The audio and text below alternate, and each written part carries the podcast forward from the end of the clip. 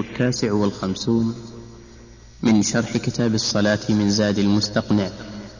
لا بد أن يكون هناك دليل. دليله يقول قال أحمد بعث النبي صلى الله عليه وسلم مصعب بن عمير, ابن عمير إلى أهل المدينة فلما كان يوم الجمعة جمع بهم وكانوا أربعين وكانت أول جمعة جمعت بالمدينة. طيب هذا الحديث. هذا دليل. أن الرسول عليه الصلاة والسلام بعث مصعب بن عمير رضي الله عنه إلى المدينة فجمع بهم وكانوا أربعين. ولكن إن صح هذا الأثر فإنه لا, فإنه لا يصح الاستدلال به. وذلك لأن بلوغهم هذا العدد وقع اتفاقا لا قصدا. يعني أمروا أن يجمعوا فجمعوا فإذا هم أربعون. لم يقل إنه أمروا أن يجمعوا فلما بلغوا أربعين أقاموا الجمعة. لو كان لفظ الحديث هكذا لكان فيه شيء من الاستدلال. أما أمروا بالتجميع فجمعوا فإذا هم أربعون فهذا لا يدل أبدا على أن هذا شرط. ليش؟ لأنه وقع اتفاقا لا قصدا اتفاقا يعني وافق هكذا وافق العدد هكذا وليس هذا عن قصد. دليل آخر قال جابر مضت السنة أن في كل أربعين فما فوق جمعة وأضحى. هذا لو صح الحديث لكان دليلا لكان دليلا لأنه قال أن في كل جمع أن في كل أربعين جمعة وأضحى وفطر ولكن هذا الحديث لا يصح. هذا غير صحيح. وبهذا عرفنا أن أن دليل المؤلف إما صريح غير صحيح. مثل مثل حديث جابر مضت السنة.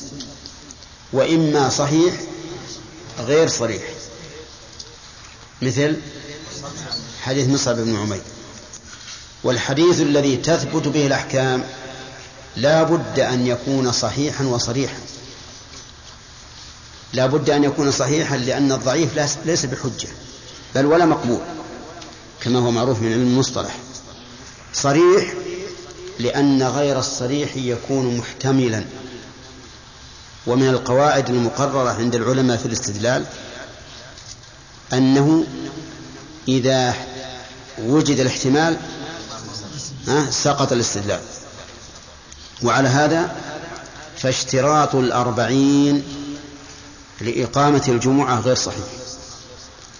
لأن ما بني على غير صحيح فليس فليس بصحيح. طيب.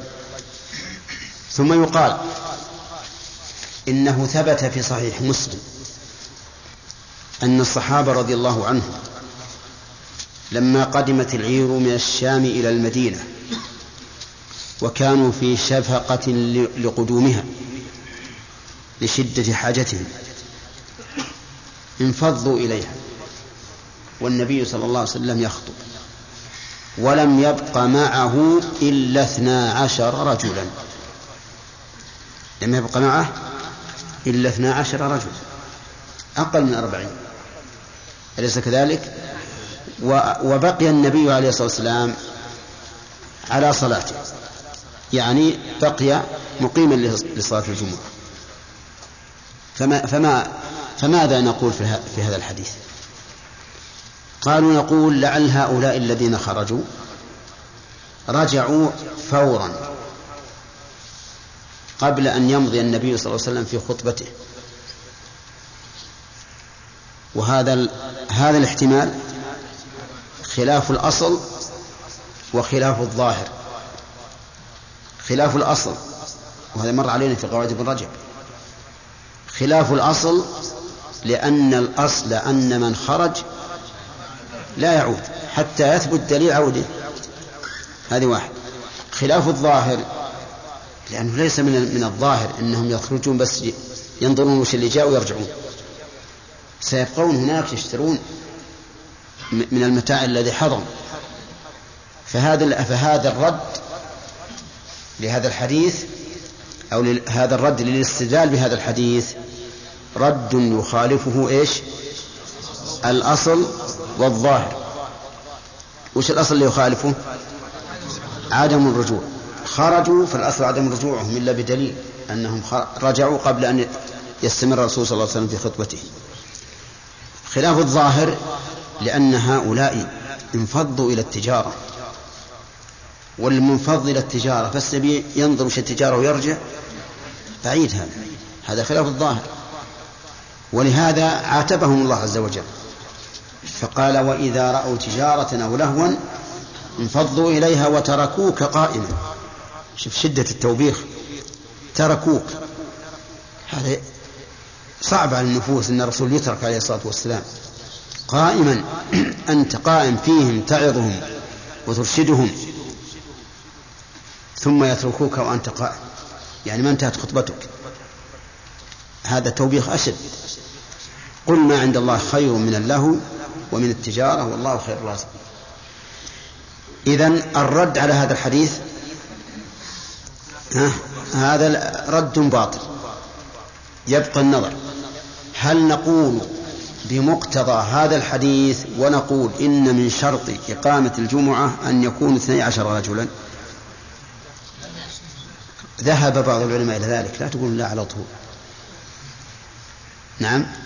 ذهب بعض العلماء إلى ذلك أنه لا بد من اثني عشر رجلا من أهل الوجوب. من الذي قال لا؟ يبين لنا وش قوله لا. نعم. طيب. نعم. لأن هذا وقع اتفاق. خرجوا بقي اثنى عشر رجلا. ربما يبقى أكثر ربما يبقى أقل. لكن هذا الذي وقع. يعني وافق أن الذي بقي كم؟ اثنا عشر رجلا. وما وقع اتفاقا لا قصدا فإنه لا يصح الاستدلال به. واضح يا جماعة؟ طيب. نعم. وهو لما بقي 12 فقط نعم. لا على كل حال الأول أصح. هذا فيه شيء. هذا فيه شيء. طيب. قال بعض العلماء يشترط ثلاثة رجال. يشترط ثلاثة رجال قبل قال بعض العلماء يشترط أربعة رجال وهذا مذهب أبي حنيفة. لا بد من أربعة رجال إمام وثلاثة يوجه إليهم الخطاب لقوله يا أيها الذين آمنوا إذا نودي للصلاة من يوم الجمعة فاسعوا إلى ذكر الله. وآمنوا جمع وأقل الجمع ثلاثة والإمام هو الذي يسعى له لخطبته وعلى هذا فيكون لابد من أربعة رجال. وقال بعض العلماء هذا الاستدلال ليس ليس بصحيح لأن قوله يا أيها الذين آمنوا وإن كان جمعا فالمراد به الجنس ولهذا يؤمر الرجل بالحضور إلى الجمعة ولو كان واحدا. القول الثالث القول الرابع أنه, أنه يشترط أن يكونوا ثلاثة خطيب ومستمعان لأن الثلاثة أقل الجمع ولأنه روى الإمام أحمد وأبو داود والنسائي من حديث أبي الدرداء رضي الله عنه ما من ثلاثة في قرية لا تقام فيهم الصلاة إلا استحوذ عليهم الشيطان. ما من ثلاثة في قرية. لا تقام فيهم الصلاة إلا استحوذ عليهم الشيطان. والصلاة عامة. تشمل إيش؟ الجمعة وغيرها. الصلاة. والجمعة من الصلاة. الجمعة من الصلاة. فإذا كانوا ثلاثة في قرية لا تقام فيهم الصلاة فإن الشيطان قد استحوذ عليهم. وهذا يدل على وجوب صلاة الجمعة على الثلاثة. ولا يمكن أن نقول بوجوبها على الثلاثة ثم نقول لا تصح من الثلاثة. أولى لا لا نعم. لا يمكن نقول تجب على الثلاثة ثم نقول لا تصح. لماذا؟ لأن إيجابها عليهم ثم قولنا إنها غير صحيحة. تضاد. معناها أمرناهم بشيء باطل والأمر بالشيء الباطل حرام. إذا انتبهوا. هذا الحديث هذا القول له هذا هذا الحديث وهو قوي وهذا اختيار شيخ الإسلام ابن تيمية رحمه الله.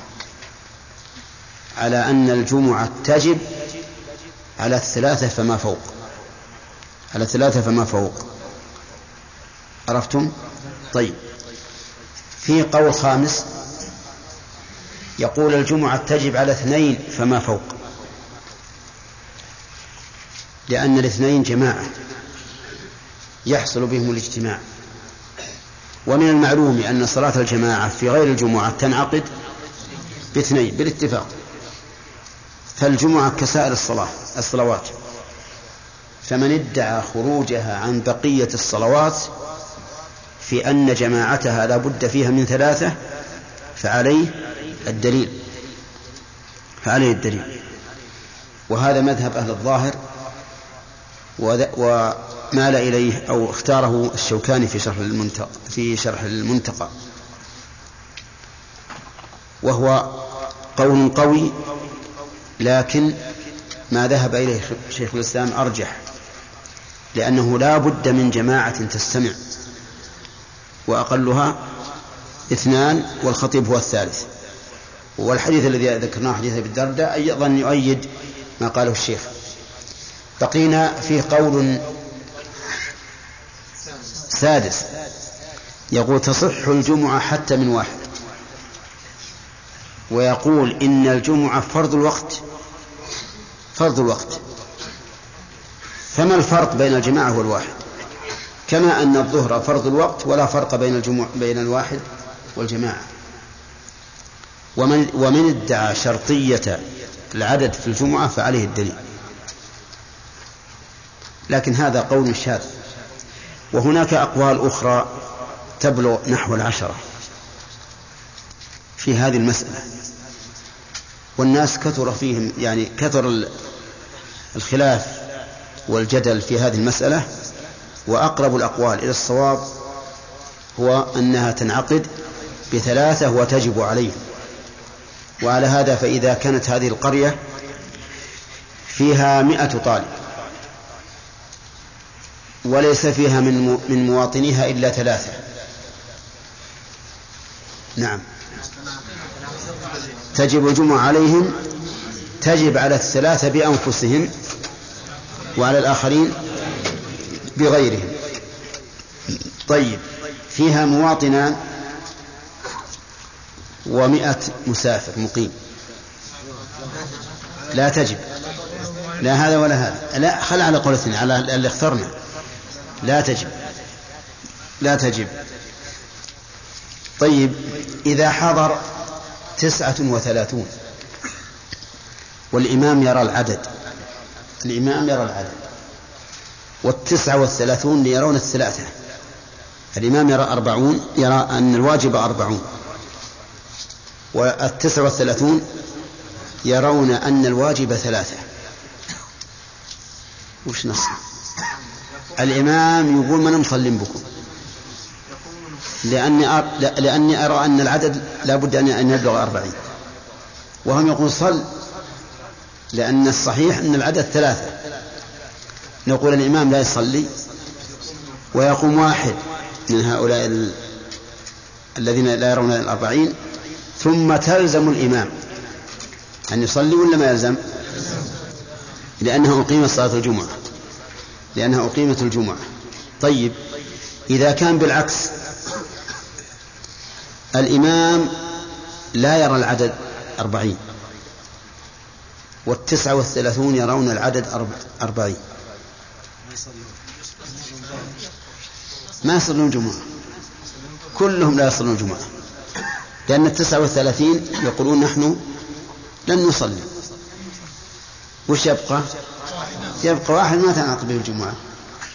يبقى واحد لا تنعقد به الجمعة فنقول لا تلزمكم الجمعة كلكم. صلوا صلوا ظهرا. صلوا ظهرا. عرفتم؟ وهذه هذه المسألة التي ذكر العلماء رحمهم الله.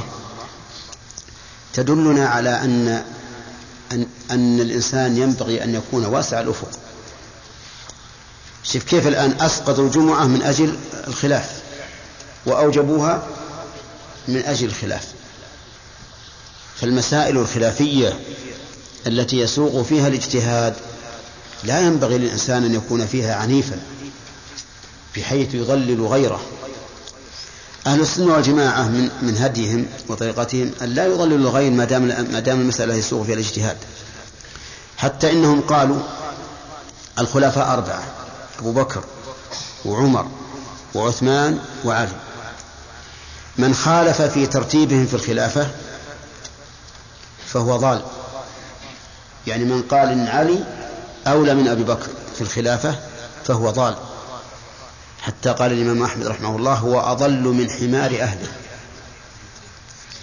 ومن خالف في التفضيل فقال علي أفضل من عثمان مثلا. نعم. فإنه لا يضلل. لأن هذه مسألة فيها خلاف بين أهل السنة فلا يضلل. نقول إذا إذا كنت ترى أن الأحاديث الواردة في فضل علي رضي الله عنه تفوق الأحاديث الواردة في فضل عثمان رضي الله عنه فلك رأيك ما نقول إنك ضال. لكن من فضل عليا على أبي بكر وعمر فقد قدح في علي نفسه. لأن علي بن أبي طالب رضي الله عنه يقول على منبر الكوفة وهو يخطب الناس خير هذه الأمة بعد نبيها أبو بكر ثم عمر. يعلم. فمن فضله عليهما فقد قدح فيه هو نفسه رضي الله عنه. على كل حال أنا أقول لكم لا ينبغي أن تشددوا في مسائل الخلاف الاجتهادية أو أن تضللوا غيركم. من رحمة الله عز وجل أنه لا يؤاخذ بالخلاف إذا كان صادرا عن اجتهاد. بل من أصاب فله أجران ومن أخطأ فله أجر. خلاصة الكلام في مسألة العدد. أن أصح الأقوال في في العدد الثلاثة لأنه مؤيد بدليل وتعليل. طيب قال الشرط الثالث أن يكونوا بقرية مستوطنين. أن يكونوا بقرية فإن كانوا في خيام كالبادية فإنه لا جمعة عليهم. لا لا جمعة عليهم. ودليل هذا أن النبي صلى الله عليه وسلم لم يأمر البوادي الذي البوادي الذين حول المدينة بإقامة جمعة. ولأنهم ليسوا مستوطنين في الحقيقة لأنهم ربما يكونون هذا العام في هذا المكان وفي العام الآخر أو الثالث في مكان آخر لأنهم يتبعون الربيع والعشب فمثل هؤلاء ليس عليهم جمعة فلا بد أن يكونوا بقرية. طيب وإن كانوا في مصر؟ ها؟ من باب أولى؟ وإن كانوا في مدينة؟ من باب أولى. ولكني أقول لكم إن القرية في اللغة العربية أعم من من ذلك كله. تشمل المدينة والمصر لأنها مأخوذة من الاجتماع. وانظر إلى مكة أم القرى سماها الله قرية. وكأي من قرية هي أشد قوة من قريتك التي أخرجتك. مع أن الله قال وكذلك أوحينا إليك قرآنا عربيا لتنذر أم القرى ومن حولها. أم القرى تسمى قرية. والقرية في اللغة غير المفهوم عندنا. فقول المؤلف قرية هي أعم مما يعرف مما يعرف بأنها المدينة الصغيرة. المراد القرية المدينة سواء كانت صغيرة أو كبيرة. ولا بد أن يكونوا مستوطنين أي متخذيها وطنا متخذيها وطنا. سواء كان سواء كانت وطنهم الأول أم وطنهم الثاني. فالمهاجرون من فالمهاجرون من النبي صلى الله عليه وسلم وأصحابه اتخذوا المدينة وطنا ثاني. فقول المستوطنين يعم من استوطن أولا ومن استوطن ثانيا. ضد المستوطن المسافر والمقيم. المسافر هو الذي على جناح سفر. مر بالبلد ليقضي حاجة ويمشي. والمقيم من أقام يوما أو ثلاثة أيام أو أربعة أيام أو خمسة أيام ومقيم نعم. و والمسألة فيها خلاف في من أقام في قرية وهو عازم على السفر هل هو مقيم أو مسافر؟ شيخ الإسلام يرى أنه مسافر.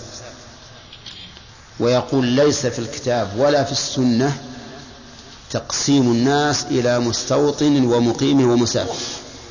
ما فيه إلا مسافر ومستوطن والمستوطن هو المقيم. نعم. طيب المهم لا بد أن يكون مستوطنين. وهل يشترط أن يكونوا مولود مولودين في القرية؟ لا. لا, لا يشترط.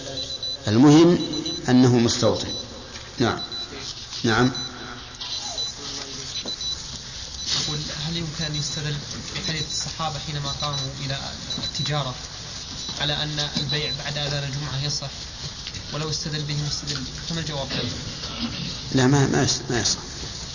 لأنه قلنا أنه يعني الظاهر والعلم عند الله أنهم سيشترون يعني لن ينظروا إليه ما يخالف لكن هل اشتروا؟ هذا هو الظاهر. هو على كل حال. قد يشترون وقد يمتنع صاحب البضاعة حتى يخرج الناس كلهم. يعني كيف؟ نعم. شيخ لا يقال المظلوم الصحابة خلاف المظلوم الصحابة خلاف أي. نعم. المظنون الصحابة خلاف الظاهر حديث جابر. أي نعم. ألا يقال أن الخطبة المقصود فيها خطبة بعد بعد الصلاة وليست قبل الصلاة. لا. لو كان كذلك ما ما وبخهم الله. لا لا. لا لا أبدا. لا هي خطبة قبل الصلاة و... وكل غير معصوم. لكن ليس بصريح. لا صريح. صريح. لأن الرسول ما, ما كان من عادة يخطب بعد الصلاة أبدا. في أول الأمر كان لا أبدا. كانت خطبته قبل قبل الصلاة. ثم يا شيخ قضية قضية الجمعة في السفر. نعم. قلتم بأنه بأن الجمعة في السفر بدعة. نعم. زين على هذا أن المسافرين الآن في البلاد البعيدة إذا قاموا الجمعة فقد ابتدعوا يبي يجينا إن شاء الله هذه. هذه هذه عند قوله بقرية مستوطنين. شوف إذا حضر 39 نعم. معهم عبد نعم. والعبد هذا قد أذن له صاحب. هل سيده. أي نعم. ما تصح المؤلف يرى أن العبد ولو أذن له سيده ليس من أهل الوجوب. لكن على القول الراجح أنه إذا أذن له سيده وجبت عليه يعتد به. هنا الجماعة الذين يقولون أنهم 39 يرون وجوب وجوب صلاة الجمعة والإمام لا يرى من القرآن نعم. نقول كيف نقول هم صلوا وضعوا الإمام أن الإمام تلزم الصلاة معهم ويرى نعم. عدم صحة صلاة ما يخالف هو يرى عدم صحة صلاة عنده.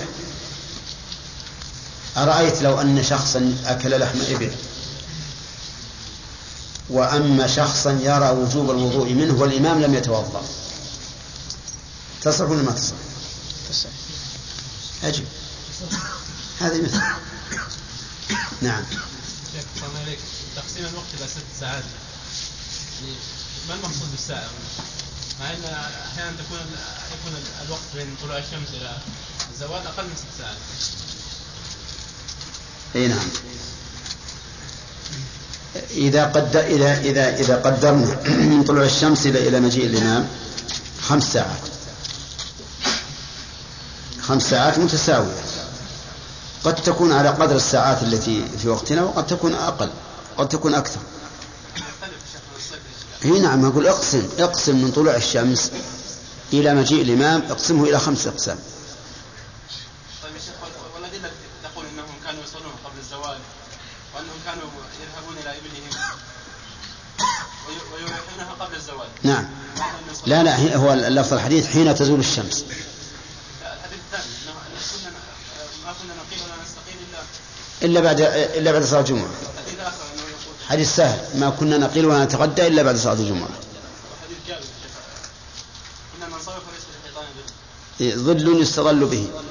يدل على ينصرفون عند الزوال إيه ظل يستظل به. ما أطلق. قيد ظل يستظل به. على كل حال ال- ال- إقامتها في الساعة السادسة يعني لها لها, لها وجهة نظر. لكن كونت تقام بعد طلوع- الشمس هذا لا بعيد جدا. ولهذا ال- الموفق رحمه الله رأى أنه لا دليل إطلاقا على أنها تقام في أول النهار. ما في ما في دليل طيب يا شيخ إذا طبق الحديث يعني واحد مثلا مثلا صلوا مثلا ثم انصرفوا و- وكان وليس الحيطان ظل يصلى به نعم فلم تكن في الساعة السادسة قبل الساعة السادسة هو على كل حال ال- ال- إذا كان هناك أمر من ولاة الأمور بأن لا تقام إلا بعد الزوال فإنه يجب امتثاله وإن لم يكن فالإنسان حتى أرى أنه أنه يجب أنه يوحد البلد لأنه إذا لم يوحد إذا لم يوحد صار هذا يطلع مبكر وهذا متأخر وربما يصير هذا فرصة للاعاب. إذا قيل صل قال مصلي مع المسجد الثاني. إي نعم. نعم. من يقول أن الجمعة بما تقوم صحيح هذا وكيف الرد عليه؟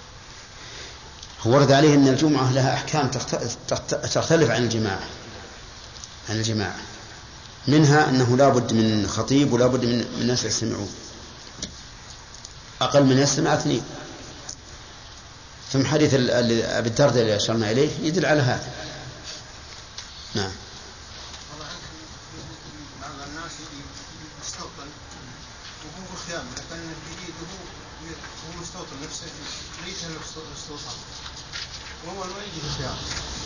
لكن حول البلد هو.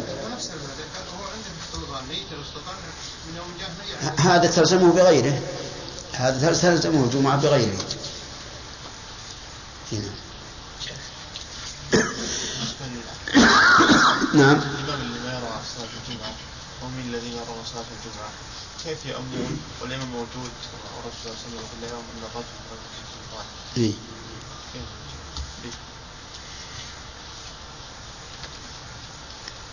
هذه نقول لأن هؤلاء يرون الوجوب وهو لا يراه فإما أن يصلوا في المسجد جماعة جمعة يعني وإما أن يص- يصلوا في مكان آخر غير مسجد هذا الرجل.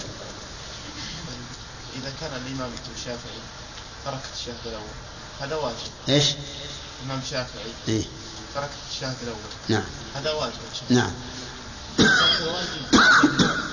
لو ترك لو كنت أصلي خلف إمام شافعي لا يرى وجوب التشهد الأول وقام وتركه قمت معه.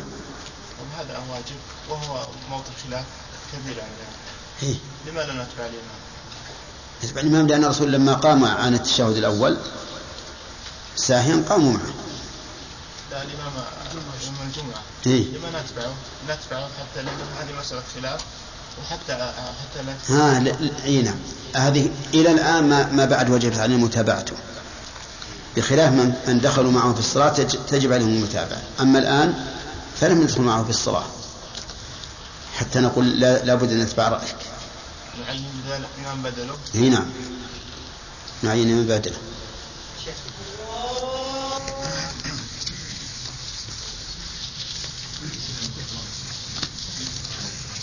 بسم بالله. لا لا قرآن. درس جديد يقول. درس جديد. الحمد لله رب العالمين وصلى الله وسلم وبارك على عبده ورسوله نبينا محمد قال رحمه, رحمه الله وإياه فإن نقصوا قبل إتمامها استأنفوا ظهرا ومن أدرك مع الإمام منها ركعة أتمها جمعة. وإن أدرك أقل من ذلك أتمها ظهرا إذا كان نوى الظهر. ويشترط تقدم خطبتين. ومن شرط صحتهما حمد من من شرط. عندك هو من؟ بالواو؟ بعض النسخ ما فيها واو؟ نعم. ومن شرط صحتهما حمد الله والصلاة على رسوله محمد صلى الله عليه وسلم وقراءة آية. والوصية بتقوى الله عز وجل وحضور العبد المشرف بسم الله الرحمن الرحيم. الحمد لله رب العالمين والصلاة والسلام على نبينا محمد وعلى آله وأصحابه ومن تبعهم بإحسان إلى يوم الدين. آه، ماذا نقول في فيما لو خرج وقت الجمعة قبل صلاتها؟ الأخ.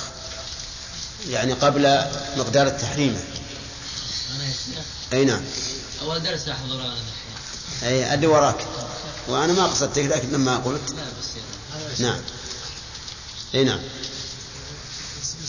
إذا خرج وقتها قبل تكبيرة الإحرام ماذا يصلون؟ يصلون ظهرا نعم. وعلى قولك؟ إيه. نعم يا سليم.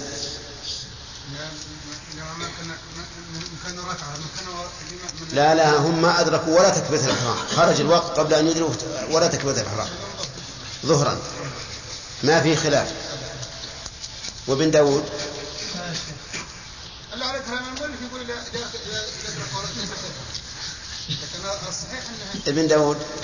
يا شيخ إذا لم يدرك تكبيرة الإحرام صلوا ظهرا وهذا قول المؤلف. الصحيح أنهم لا يصلون الجمعة إلا إذا أدركوا من وقتها من ركعة أقول لم يدركوا ولا تكبيرة الإحرام يا جماعة. الذي لم يدرك تكبيرة الإحرام هو مدرك ركعة شو لكم أنتم؟ هذا ليس فيه خلاف. ها؟ إذا قول الأخ يقول إن إن إن إنه يرى أنهم يصلون الجمعة.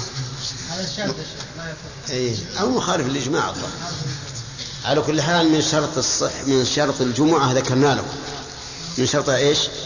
الوقت.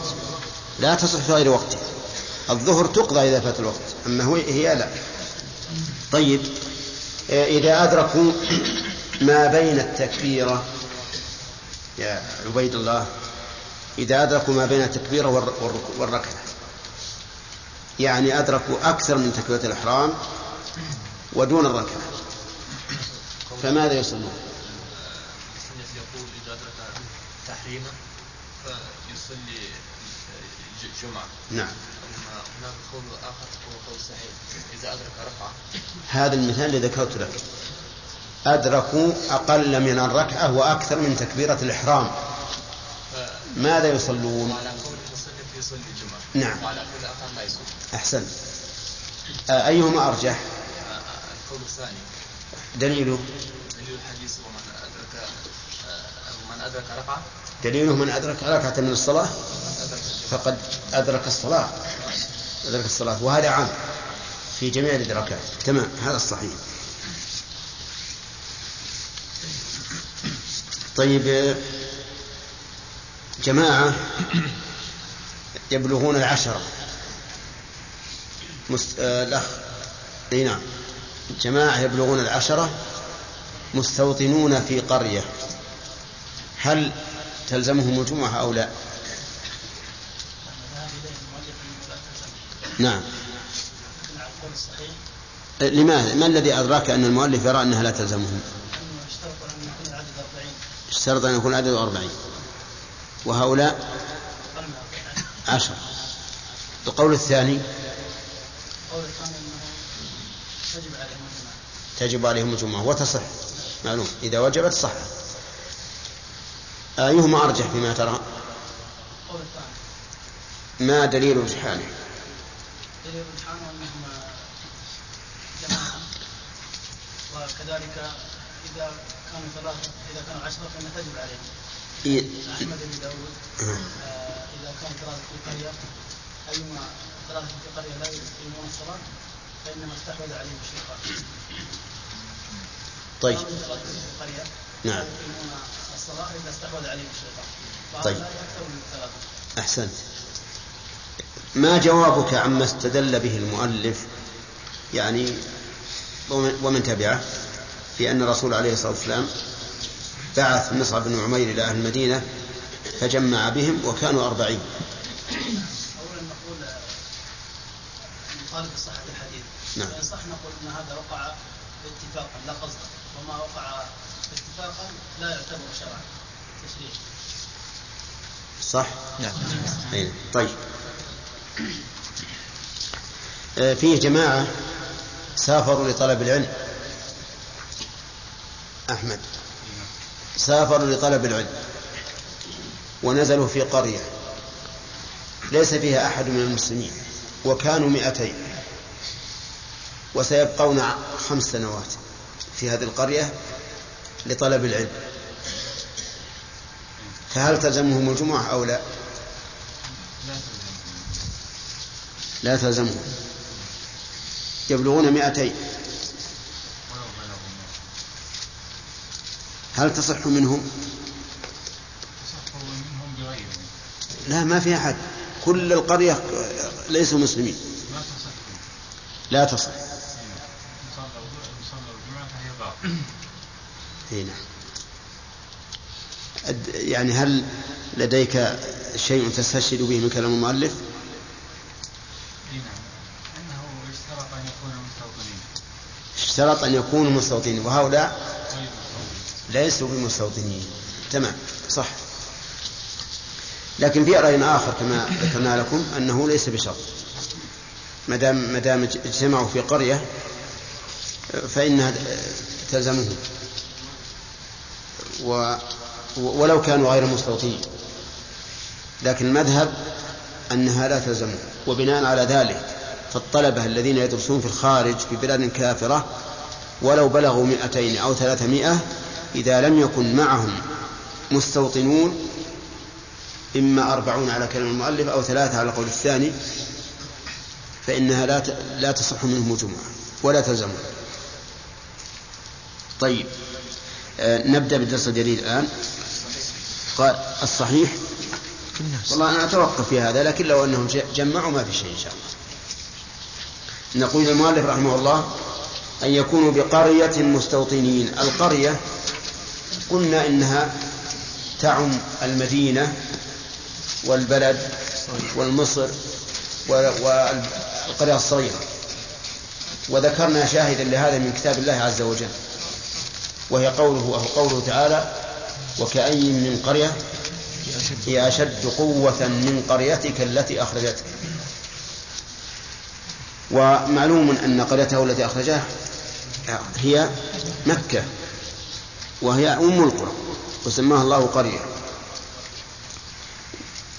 طيب يقول المؤلف وتصح هذا بدأ الدرس الجديد وتصح فيما قارب البنيان من الصحراء تصح الجمعة.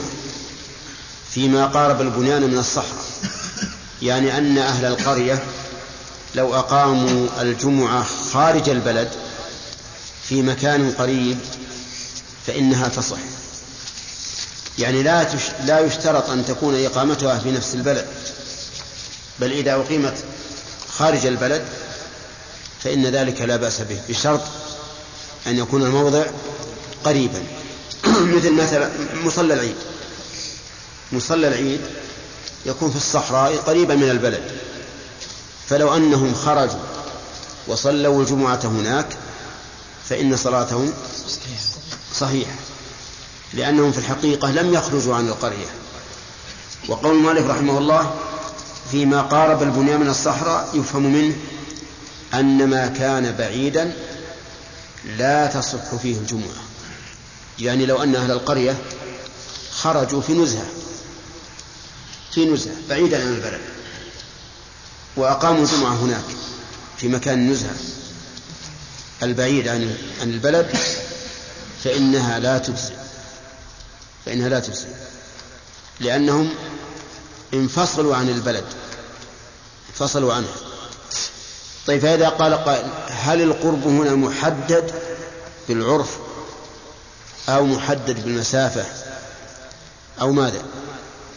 قلنا إن العلماء إذا أطلقوا الشيء ولم يحددوه يرجع في ذلك إلى العرف. كما أن الشارع كذلك يعني الكتاب والسنة إذا أطلق أطلق الشيء فيهما وليس له حد شرعي فإن مرجعه إلى العرف. هذه قاعدة مفيدة. وعلى وعلى ذلك قال الناظم وكل ما أتى ولم يحدد بالشرع كالحرز فبالعرف احددي البيت مرة ثانية وكل ما جاء ولم يحدد. نعم وكل ما نعم وكل ما أتى ولم يحدد. بالشرع كالحرز فبالعرف احددي المرة الثالثة وكل ما أتى ولم يحدد بالشرع كالحرز فبالعرف حددي نعم. طيب الأخ.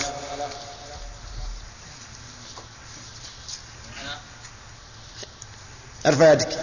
أي نعم.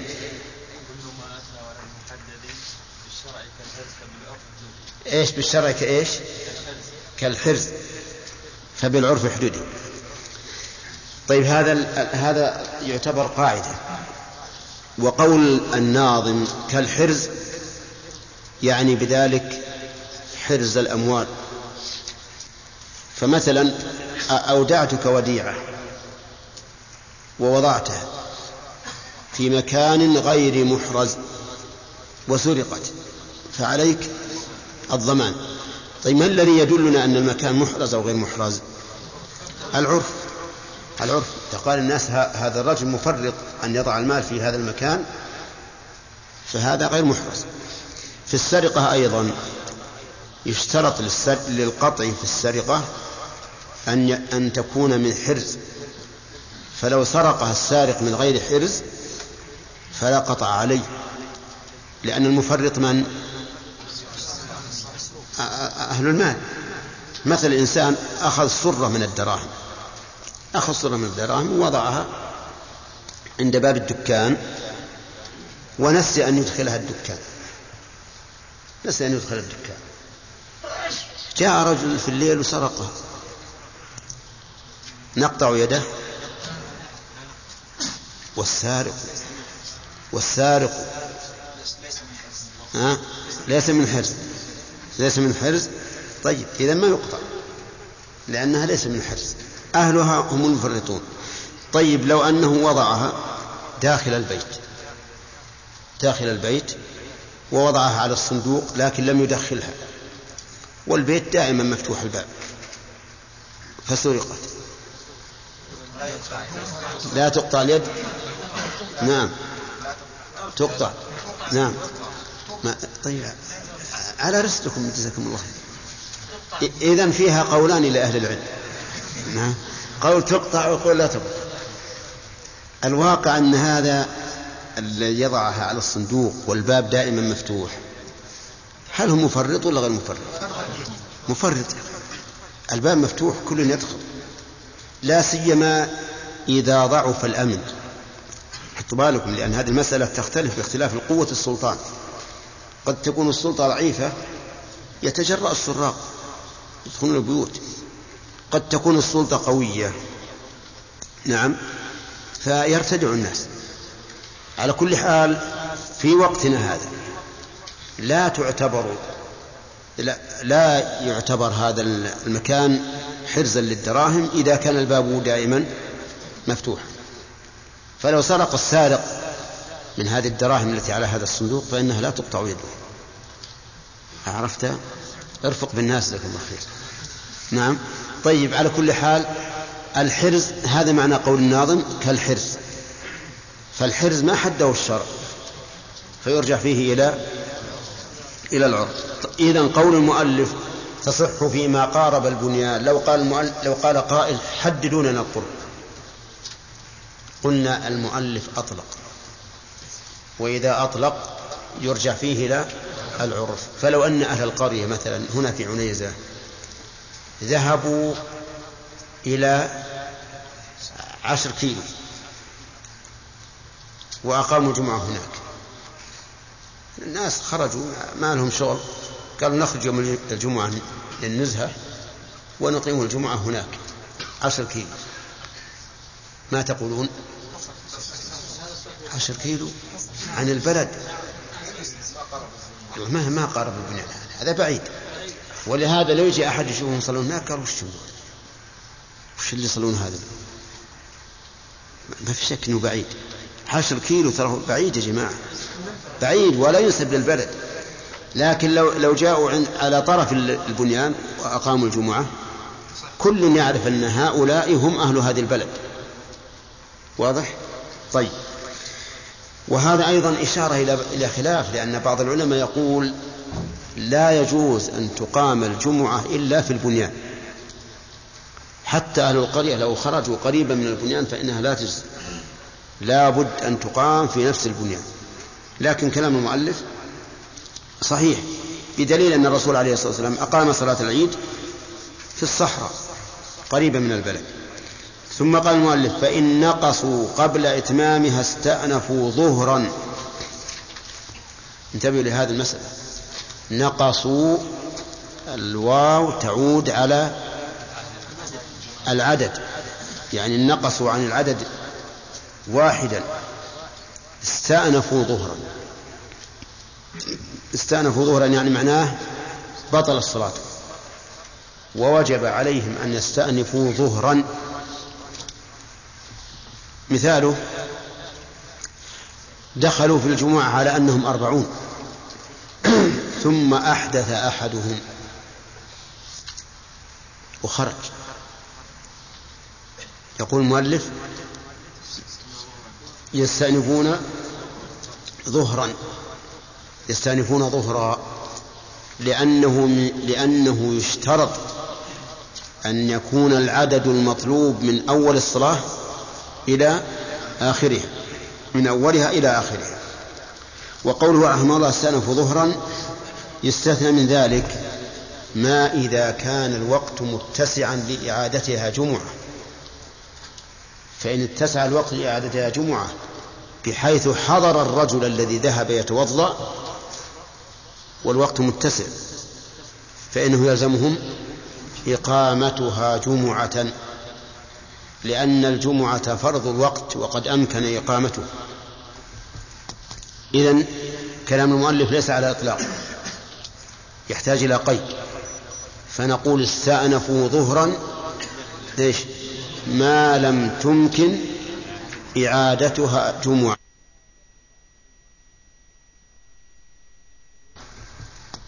إذن كلام المؤلف ليس على إطلاق يحتاج إلى قيد. فنقول استأنفوا ظهرا إيش؟ ما لم تمكن إعادتها جمعة. فإن أمكن وجب أن تعاد جمعة. هذا ما ذهب إليه المؤلف رحمه الله. وقال بعض العلماء بل يتمونها جمعة لأن الصلاة انعقدت على وجه صحيح. فإبطالها بعد انعقادها يحتاج إلى دليل يحتاج إلى دليل. وإذا لم يكن هناك دليل فإنه يبنى آخرها على أولها. فإذا دخلوا على أنهم أربعون ثم أحدث أحدهم ما ذهب يتوضأ قلنا أتموا إيش؟ أتموا جمعة أتموا جمعة. طيب. القول الثالث في المسألة قول وسط وخير الأمور الوسط. والغالب أن الوسط من أقوال العلماء الغالب عليه أنه يكون هو الصحيح الراجع يقول إن نقصوا بعد أن أتموا الركعة الأولى أتموا جمعة. يعني إذا كان النقص في الركعة الثانية فما بعد أتموا جمعة. وإن نقصوا في الركعة الأولى استأنفوا ظهرا ما لم يمكن إعادتها جمعة. وهذا اختيار موفق رحمه الله. صاحب أصل هذا المختصر. صاحب من؟ المقنع الذي هذا مختصر. كتاب وهذا القول هو الراجح. ودليله قول النبي صلى الله عليه وسلم من أدرك ركعة من الصلاة فقد أدرك الصلاة. نعم.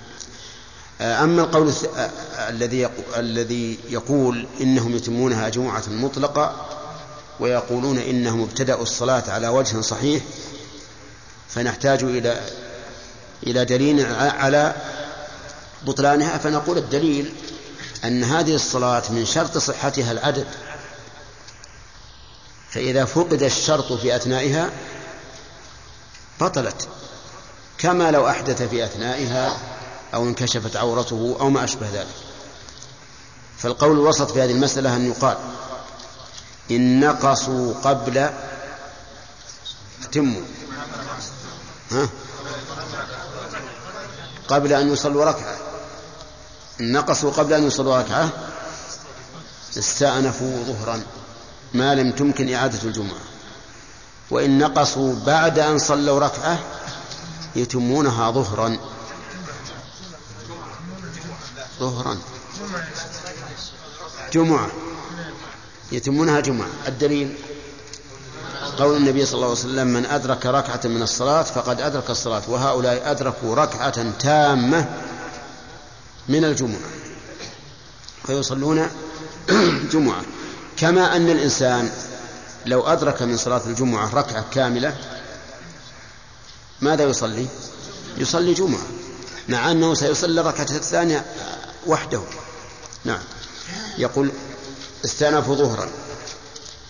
ومن أدرك مع الإمام منها ركعة أتمها جمعة.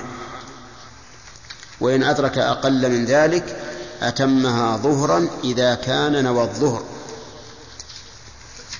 من أدرك مع الإمام منها ركعة مع الإمام. إمام الجمعة. منها أي من الجمعة. ركعة ركعة تامة بسجدتيها. أتمها جمعة. أتمها جمعة. دليله قول النبي صلى الله عليه وسلم من أدرك ركعة من الصلاة فقد أدرك الصلاة. طيب. وإن أدرك أقل من ذلك متى يدرك أقل من ذلك؟ يدرك أقل من ذلك إذا جاء بعد رفع الإمام رأسه من ركوع الثانية. صح؟ تأملوا يا جماعة. يدرك أقل من ركعة إذا جاء بعد أن رفع الإمام رأسه من ركوع الركعة الثانية. وكأن بعضكم يفكر من الركعة الأولى. ها؟ متفقون على هذا؟ من الركعة الثانية. طيب. إذا جاء بعد أن رفع الإمام رأسه من ركوع الركعة الثانية فهنا لم يدرك شيئا أدرك أقل من ركعة. فيتمها ظهرا. لكن اشترط المؤلف إذا كان نوى الظهر. إذا كان نوى الظهر.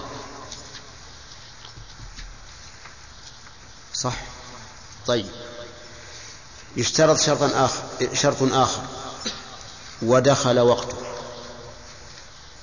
إذا كان نوى الظهر وقد دخل وقت الظهر لأنه فيه احتمال أن تصلى الجمعة قبل الزوال. فإذا صليت قبل الزوال وأدرك منها أقل من ركعة فإنه لا يتمها جمعة بل يتمها ظهرا. وهنا نقول الظهر ما دخل وقته. إذا يتمها نفلا يتمها نفلا. ثم إذا دخل وقت الظهر صلى الظهر. فيشترط إذن يشترط لمن أدرك مع الإمام أقل من ركعة يشترط لإتمامها ظهرا. شرطان؟ قل هما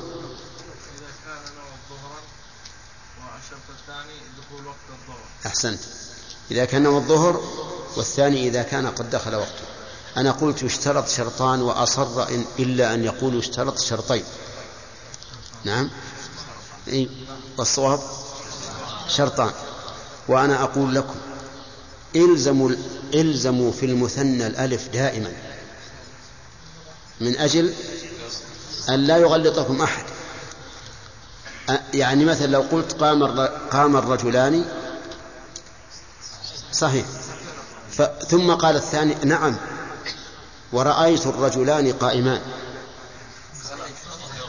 ها؟ الأول صحيح والثاني غلط على اللغة الفصحى. لكن يمكن لو يجي واحد يرد عليه وهو إنسان ما يحب أحد يرد عليه قال يا أخي أنت ما ما مالك أنك تحتكر اللغات. أنا على لغة من يلزم المثنى الألف مطلقا.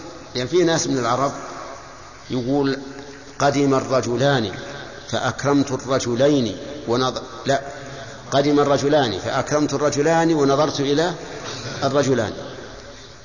فهذه فيها يعني فسحة طالب العلم اللي ما يعرف النحو.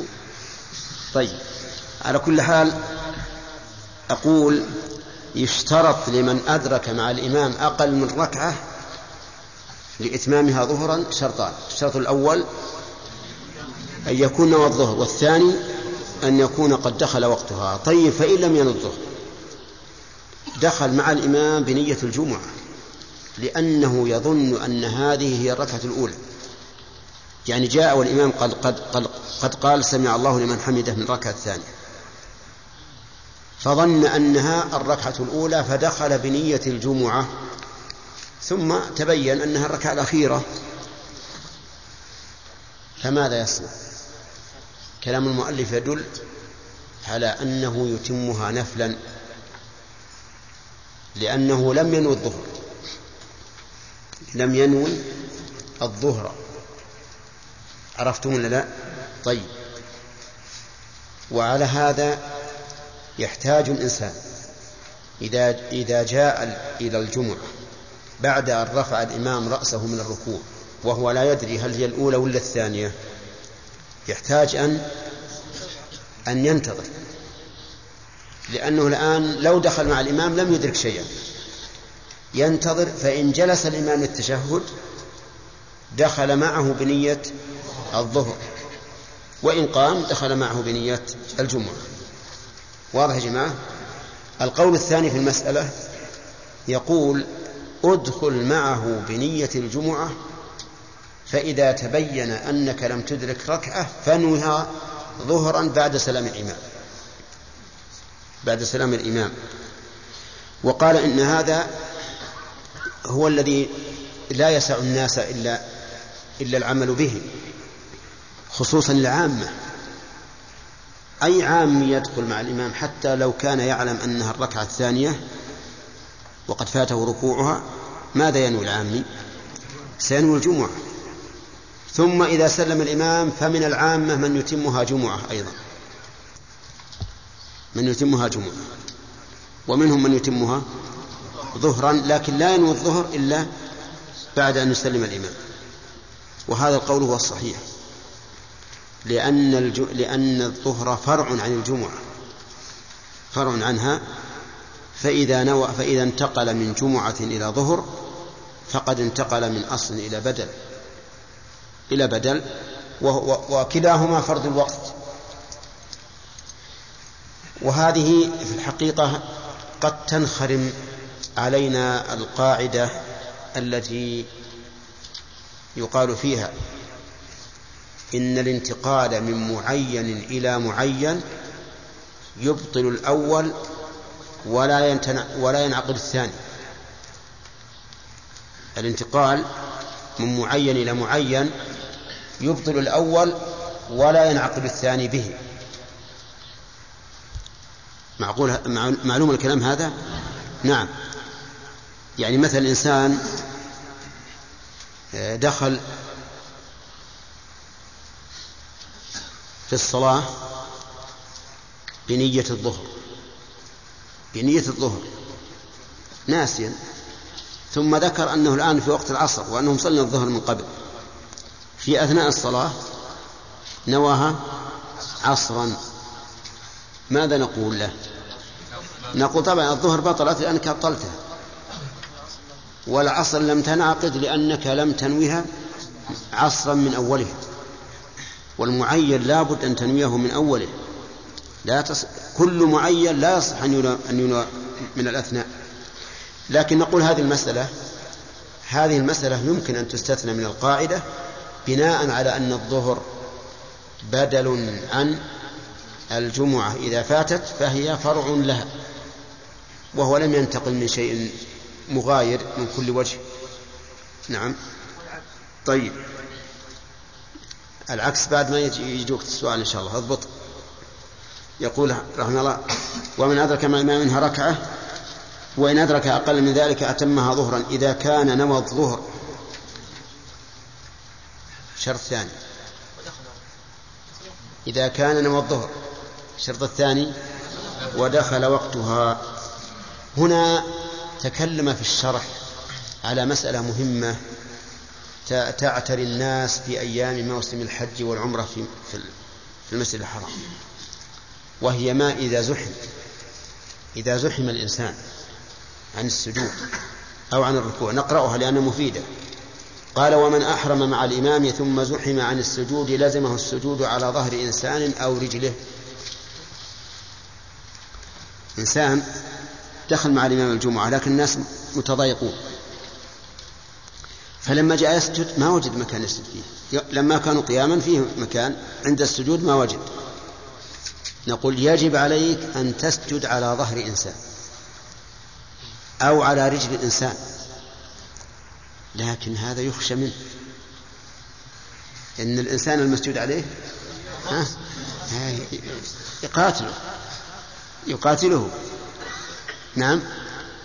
وكثير من العوام ما يعرفون عن حكم هذا. لو كان طالب علم يمكن يقول نعم له أن يسجد على ظهري لكن إذا كان عاميا فيا ويله, منه. وعلى كل حال هذا كلام العلماء رحمهم الله. يقول يسجد على ظهر إنسان أو رجله. نعم. ثم قد يكون الإنسان الذي أمامه أحيانا يكون مع الضيق تكون أمامك امرأة. ما يمكن تسجد عليه على ظهره. واضح؟ طيب. لكن هذا كلام المؤلف. فيه رأي آخر يقول إذا زحم فإنه ينتظر حتى يقوم الناس ثم يسجد. ويكون التخلف هنا عن الإمام لعذر. وفيه رأي ثالث يقول تومي إيماء. تجلس وتومي بالسجود إيماء. لأن الإيماء للسجود قد جاءت به السنة عند التعذر وبخلاف التخلف عن الإمامة. التخلف عن الإمام ما يأتي إلا إلا لعذر. لا يمكن للإنسان أن يتابع لما فيه. وهنا تمكن المتابعة بأن يجلس ثم يومي بالسجود. وهذا القول أقرب. ويليه القول بأنك تنتظر ثم تسجد بعد الإمام. وأما القول بأنك تسجد على ظهر إنسان أو رجله فإنه ضعيف. لما لما يلزم عليه من التشويش التام على المسجود عليه. ثم ما ظنكم إذا كان الساجد كبير الجسم وكان المسجود عليه صغير الجسم. نعم. يعني خطر خطر في الحقيقة. أنا لا أقول هذا من أجل أن أنه يعني على سبيل الفكاهة لكن على سبيل الحقيقة. المسألة هذه عندما يتدبرها الإنسان كلما تدبرها الإنسان وجد أن هذا القول ضعيف. طيب على كل حال إذا أدرك الإمام إذا أدرك ركعة تامة بسجدتيها فإنه يتم. يقول فإن لم يمكنه انتبه. فإن لم يمكنه إن لم يمكنه إيش؟ السجود على ظهر إنسان أو رجله فإذا زال الزحام. ينتظر حتى يزول الزحام. وهذا الحمد لله فيه فسحة إذا كان لا يمكنه أن يسجد فإذا زال الزحام. ثم إننا نقول في الحقيقة أن السجود على ظهر الإنسان لا تتأتى به صورة السجود. لماذا؟ لعلو الإنسان. السجود يكون وجهه مساويا محاذا لرجليه. وهنا لا يمكن. لا يمكن خصوصا إذا كان الساجد أيضا رفيع. فالسجود لا تتحقق صورته بالسجود على ظهر الإنسان. طيب لو أنه يقول وإن زحم وإن أحرم ثم زحم وأخرج عن الصف فصلى فذا لم تصح. هذه عاد مسألة الفذية لو أنه زحم. وعجز على أن يطيق الوقوف في الصف حتى خرج. فإنه على المذهب لا تصح صلاته لأنه فذ. والصحيح أن صلاته تصح لأنه معذور في الفذية طيب ف... ف... فإذا كان قد صلى الركعة الأولى في الصف فإنه إذا زحم حتى خرج من الصف حتى على المذهب ينوي الانفراد ويتمها جمعة لأنه أدرك ركعة كاملة فيتمها جمعة واضح؟ نعم. المخيرات الطلابية غالبا ما تكون في الخميس والجمعة. فلو ما ما يقيمون الجمعة إذا إذا كانوا بعيدين. لكن يلزمهم إذا كانوا قريبين من البلد أن يدخلوا إلى البلد. لا إذا كان البعد فوق ثلاثين يصلون ظهرا. والعشرين حتى لأنهم يقولون العلماء إذا كان بينه وبين المسجد أكثر من فرسخ فإنها لا تلزمه.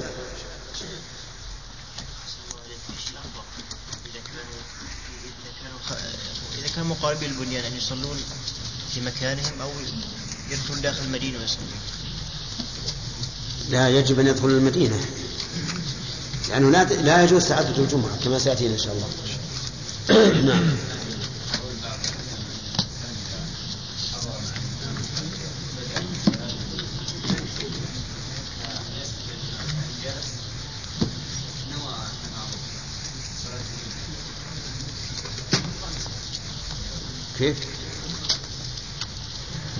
أعد السؤال.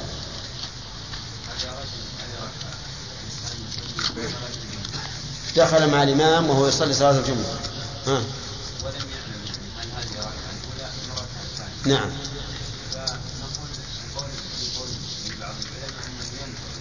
هذا على المذهب.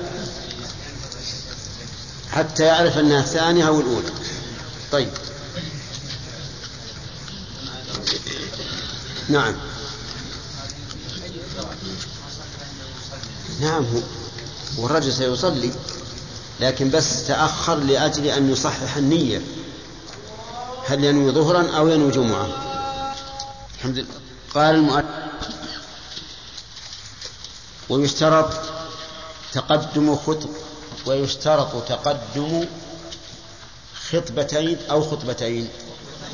خطبتين بالضم لأن الخطبة بالكسر خطبة النكاح. يعني أن يخطب الرجل امرأة. والخطبة بالضم خطبة الوعظ وما أشبه ذلك. يشترط يعني لصحة الجمعة تقدم خطبتين أن أي أن يتقدمها خطبتان. فإن لم يتقدمها خطبتان لم تصح. ويدخل في ذلك ما إذا لم يتقدمها شيء من الخطب. وما إذا تقدمها خطبة واحدة.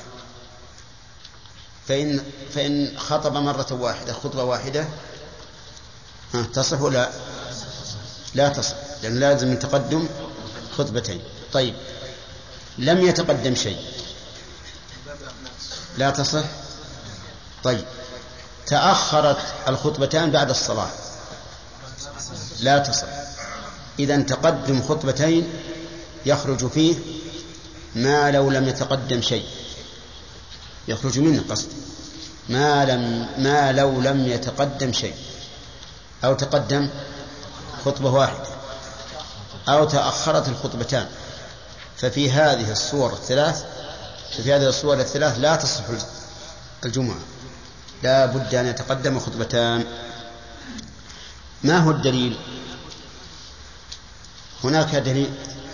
عدة أدلة. الدليل الأول قوله تعالى يا أيها الذين آمنوا إذا نودي للصلاة من يوم الجمعة فاسعوا إلى ذكر الله. فأمر بالسعي إلى ذكر الله من حين النداء. ومعلوم بالتواتر القطعي أن النبي صلى الله عليه وسلم كان إذا أذن المؤذن يوم الجمعة خطب. إذن فالسعي إلى الخطبة واجب. وما كان السعي إليه واجبا فهو واجب. نعم. لأن السعي وسيلة إلى إدراكه وتحصيله. فإذا وجبت الوسيلة وجبت الغاية. واضح؟ هذا دليل. الدليل الثاني أن النبي صلى الله عليه وسلم حرم الكلام والإمام يخطب. وهذا يدل على وجوب الاستماع, وجوب الاستماع إليهما. ووجوب الاستماع إليهما يدل على وجوبهما وأنه لا بد من خطبتين. واضح يا جماعة؟ الوجه الدليل الثالث مواظبة النبي صلى الله عليه وسلم عليهما مواظبة غير منقطعة. فلم يأتي يوم من يوم من أيام الجمعة لم يخطب فيه النبي عليه الصلاة والسلام. وهذا الدوام المستمر صيفا وشتاء شدة ورخاء يدل على وجوبهما. طيب. الدليل الرابع وهو تعليل أنه لو لم يجب لهما خطبتان لكانتا كغيرهما من الصلوات. لا يستفيد الإنسان الناس من التجمع لهما ومن أهم أغراض التجمع لهذه الصلاة إيش؟ الموعظة. وتذكير الناس. فلو لم تجب الخطبتان لم يكن هناك فائدة. فهذه عدة أدلة تدل صارت خمسة الآن. أربعة تدل على وجوب خطبة خطبتين للجمعة. ثم قال المؤلف من شرط صحتهما حمد الله. يعني يعني أن الخطبتين لهما شروط. لا تصحان بدونهما بدونها. الشرط الأول حمد الله. أن يحمد الله بأي صيغة سواء كانت الصيغة قولية آه، اسمية أم فعلية. أي سواء قال الحمد لله أو قال أحمد الله أو قال نحمد الله. المهم أن أن يحمد الله فيه. وسواء كان الحمد في أول الخطبة أم في آخرها المهم أن يوجد فيها حمد لكن الأفضل أن يكون في الأول. ما هو الدليل؟ الدليل قول النبي عليه الصلاة والسلام كل أمر لا يبدأ فيه بالحمد لله فهو أبتر وهذا أحد ألفاظ الحديث. والأبتر الناقص البركة مبتور ما في خير ولا بركة. طيب. ومن الأدلة على ذلك أيضا حديث جابر في صحيح مسلم. كان النبي صلى الله عليه وسلم إذا خطب حمد الله وأثنى عليه. وهذا كما تعلمون دليل قد لا يستطيع الإنسان أن يجزم ببطلان الخطبة إذا خلت منه إذا خلت من الحمد. لكن على كل حال لا شك أنه أفضل وأحسن. من شرط صحتهما أيضا الصلاة على رسوله محمد صلى الله عليه وسلم. يعني أن يصلي على الرسول باسمه. بأي اسم من أسمائه فيقول اللهم صل على محمد اللهم صل على أحمد اللهم صل على العاقل اللهم صل على الحاشم المهم أن يسميه. قال بعضهم فإن صلى عليه مضمرا لا مظهرا لم تصح.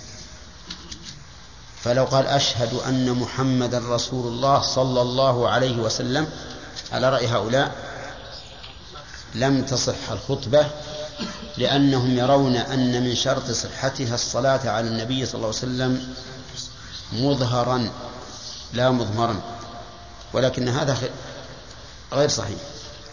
كذلك أيضا الصلاة على النبي صلى الله عليه وسلم لا بد أن يكون لها دليل. لأنه يترتب عليها أنه لو خلت الخطبة من الصلاة على الرسول عليه الصلاة والسلام إيش؟ لبطلت الخطبة ثم بطلت الصلاة. وهذا أمر ليس بالهين.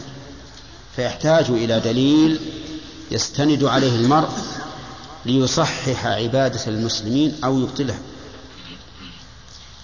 فما هو الدليل؟ قالوا لأن كل عبادة انتبه للدليل ما فيه إلا تعليل ما فيه إلا تعليل. قالوا لأن كل عبادة افتقرت إلى ذكر الله افتقرت إلى ذكر رسوله. هذا التعليل عليل. هذا التعليل عليل وليس بصحيح. وما أكثر العبادات التي لا تفتقر إلى ذكر الرسول وهي تفتقر إلى ذكر الله. لو أراد الإنسان يتوضأ يقول بسم الله والصلاة والسلام على رسول الله. كيف؟ ما يقول والصلاة والسلام على رسول الله؟ ما يقوله اجزموا يا جماعة. ما يقول؟ إذن هي مفتقرة إلى ذكر الله. غير مفتقرة إلى ذكر رسول الله. لو أراد الإنسان أن يضحي أن يذبح ذبيحة يقول بسم الله. والصلاة والسلام على رسول الله. نعم. لا يقول. بل كره بعض العلماء أن يصلي على النبي صلى الله عليه وسلم عند الذبح. قال لأن هذا يؤدي إلى الشرك. حتى يكون الإنسان يذبح لله ولرسول الله. واضح؟ طيب. الأذان. يفتقر إلى ذكر الرسول صحيح. لكن هل يفتقر إلى ذكر الصلاة عليه؟ لا لا يفتقر. فالعلة هنا منتقضة. العلة منتقضة. وانتقاض العلة يدل على بطلانها. ولهذا ليس هناك دليل صحيح يدل على اشتراط الصلاة على النبي صلى الله عليه وسلم في الخطبة. ما فيه دليل. طيب لكن نمشي مع المؤلف. وإن رجحنا خلاف كلامه. والصلاة على النبي على رسوله محمد صلى الله عليه وسلم. الصلاة على رسوله سواء جاءت بلفظ الطلب أو بلفظ الخبر الذي بمعنى الطلب. مثالها بلفظ الطلب يا عبد الرحمن. مثالها بلفظ الطلب. الصلاة على النبي صلى الله عليه وسلم بلفظ الطلب.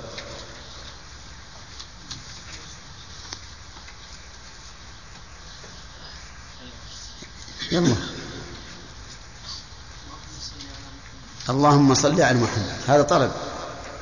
مثالها بلفظ الخبر الذي بمعنى الطلب. نعم. صلى الله على على محمد. صح. شب الطلب يا عبد الرحمن أن تقول اللهم صل تطلب من الله. والخبر اللي بمعنى الطلب تقول اللهم صلى الله عليه. صلى الله خبر لكن معناه الطلب. طيب. والصلاة وقراءة آية. يعني من شرط صحتهما أيضا قراءة آية. فإن لم يقرأ آية لم تصح الخطبة. لا بد أن يقرأ آية. طيب وإن قرأ آيتين؟ المؤلف يقول قراءة آية واحدة. يعني أقل شيء. فإن قرأ آيتين فقد قرأ آية وزيادة. ولكن يشترط في الآية أن تستقل بمعنى. أن تستقل بمعنى. فإن لم تستقل بمعنى لم تجزئ. فلو قرأ ثم نظر. ثم نظر. آية. أولى ها؟ لكن ما تستقل بمعنى. من الذي نظر؟ لا يعلم. طيب لو قرأ مدهامتان. ها؟ ما تجزئ؟ وش معنى مدهامتان؟ سوداوان. هنا يفهم منها معنى لكن ما هما الموصوفتان الموصوفتان بهذه الصفة؟ طيب لو قال فصل لربك وانحر. ها؟ تصح؟ تصح. هنا تصح واضح. كلام مستقل مفهوم واضح. طيب ما هو الدليل على اشتراط الآية؟ الدليل أن النبي صلى الله عليه وسلم كان يقرأ يوم الجمعة بقاف والقرآن المجيد يخطب بها. يخطب بها. ولكن هذا ليس بدليل. لأن لدينا قاعدة في أصول الفقه وهي أن الفعل المجرد لا يدل على على الوجوب. الفعل المجرد لا يدل على الوجوب. فكوننا نجعل قراءة الآية شرطا في خطبة الجمعة الذي لا بد من وجودها قبل الصلاة. فإن لم توجد لم تصح الجمعة هذا فيه نظر. طيب الثالث الرابع الوصية بتقوى الله عز وجل. نعم الوصية لا بد منها. الوصية يعني أن يوصي الخطيب المستمعين بتقوى الله. سواء قال أوصيكم ونفسي بتقوى الله أو قال يا أيها الناس اتقوا الله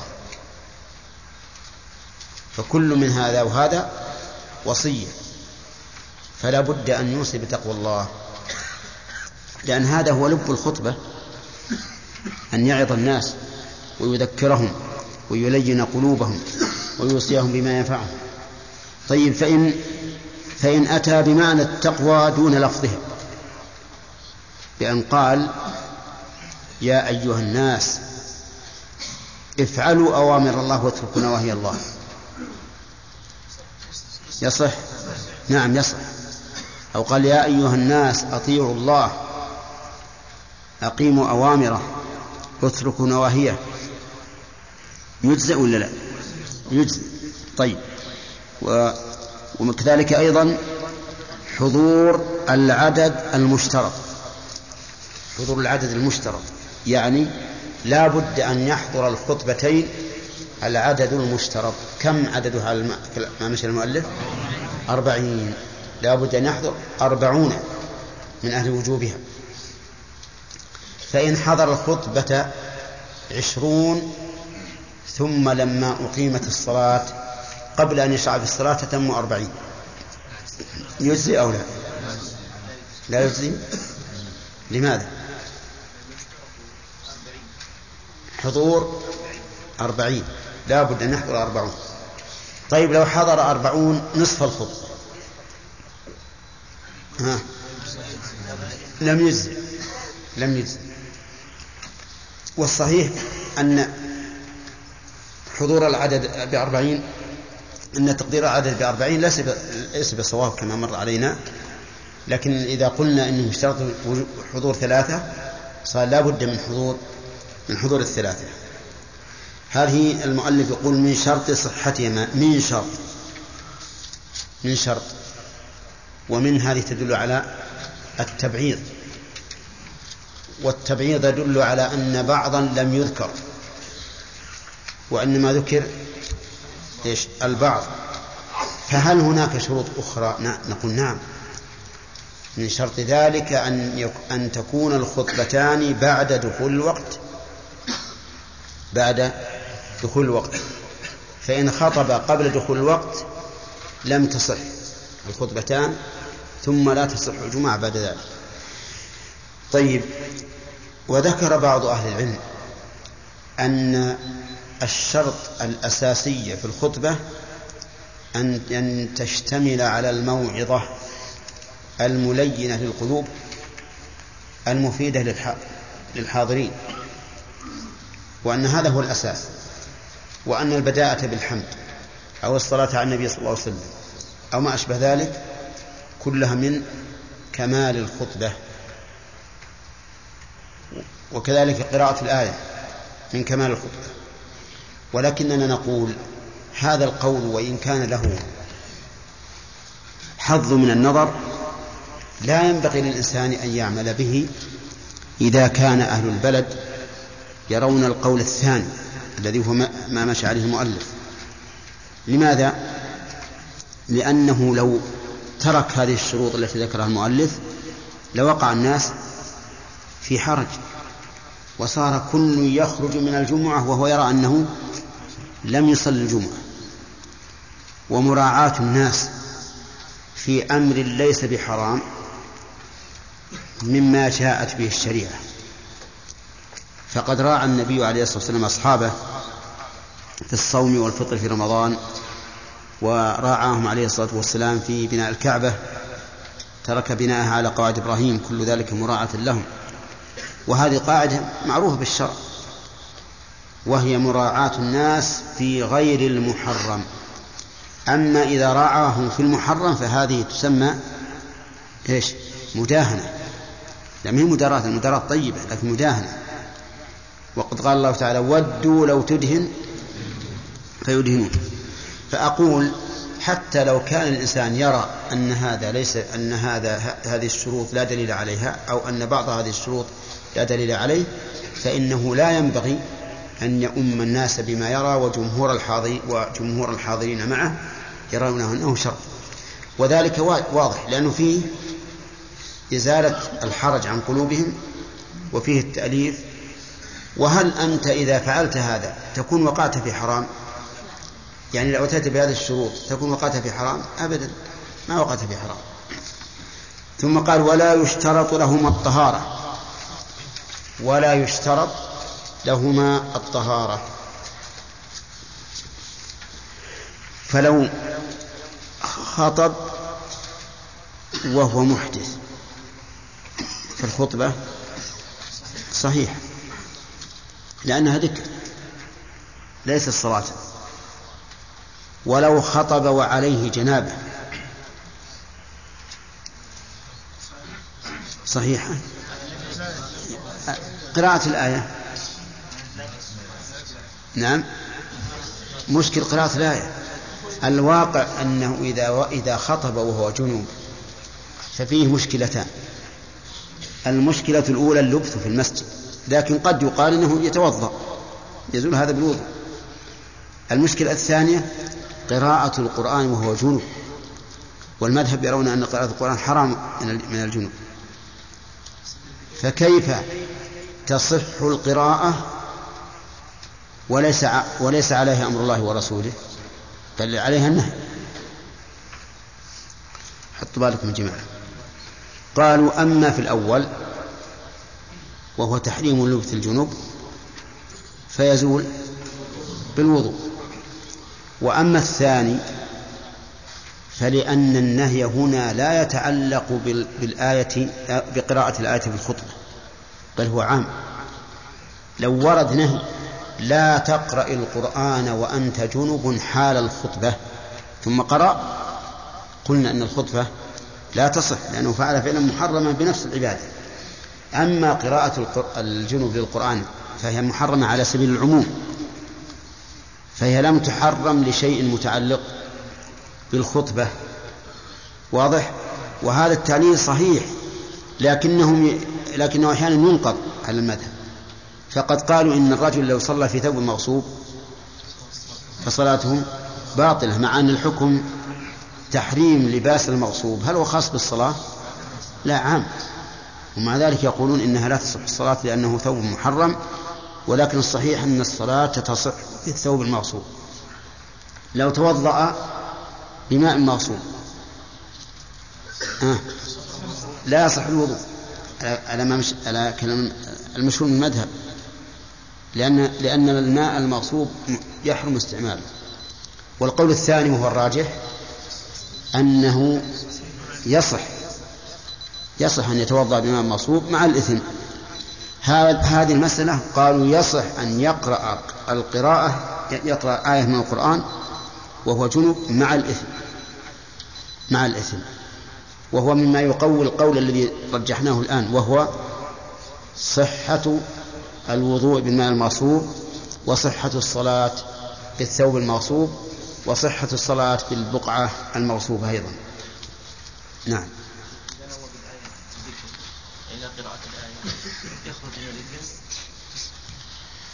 أخشى أنها ما تجزي يقصد الذكر إيه بس القراءة يقصد القراءة تقرب الله بالقراءة ربنا لا تؤاخذنا إيه. أقول أخشى أن لا يكون لأن الذي يقصد الذكر بالقرآن ما يحصل له ثواب القراءة. والله ما أدري. الظاهر أنه ما تصلح نعم. ها؟ لا ما تزول الجنابة بوضوء لكن يجوز المكث في المسجد إذا توضأ الجنوب ولا الجنابة باقية. ولهذا لو أراد يصلي ما ما صح أن يصلي. هنا. نعم.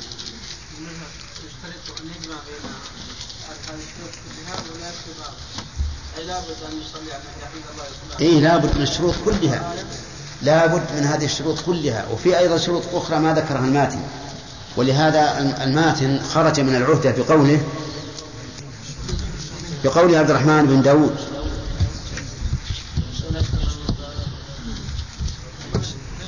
كيف ما فهم ما أقول ولا ما فهمت؟ خرج من العهدة بقوله بقوله يا جماعة من شرط صحته. علشان يخليك أنت تبحث عن الباقي. من أن تبحث أنت عن الباقي. أحيانا تكون بليدا وأحيانا تكون ذكيا يا عبد الرحمن. شو العلم أجب عن هذا. أقول أحيانا تكون بليدا وأحيانا تكون ذكيا.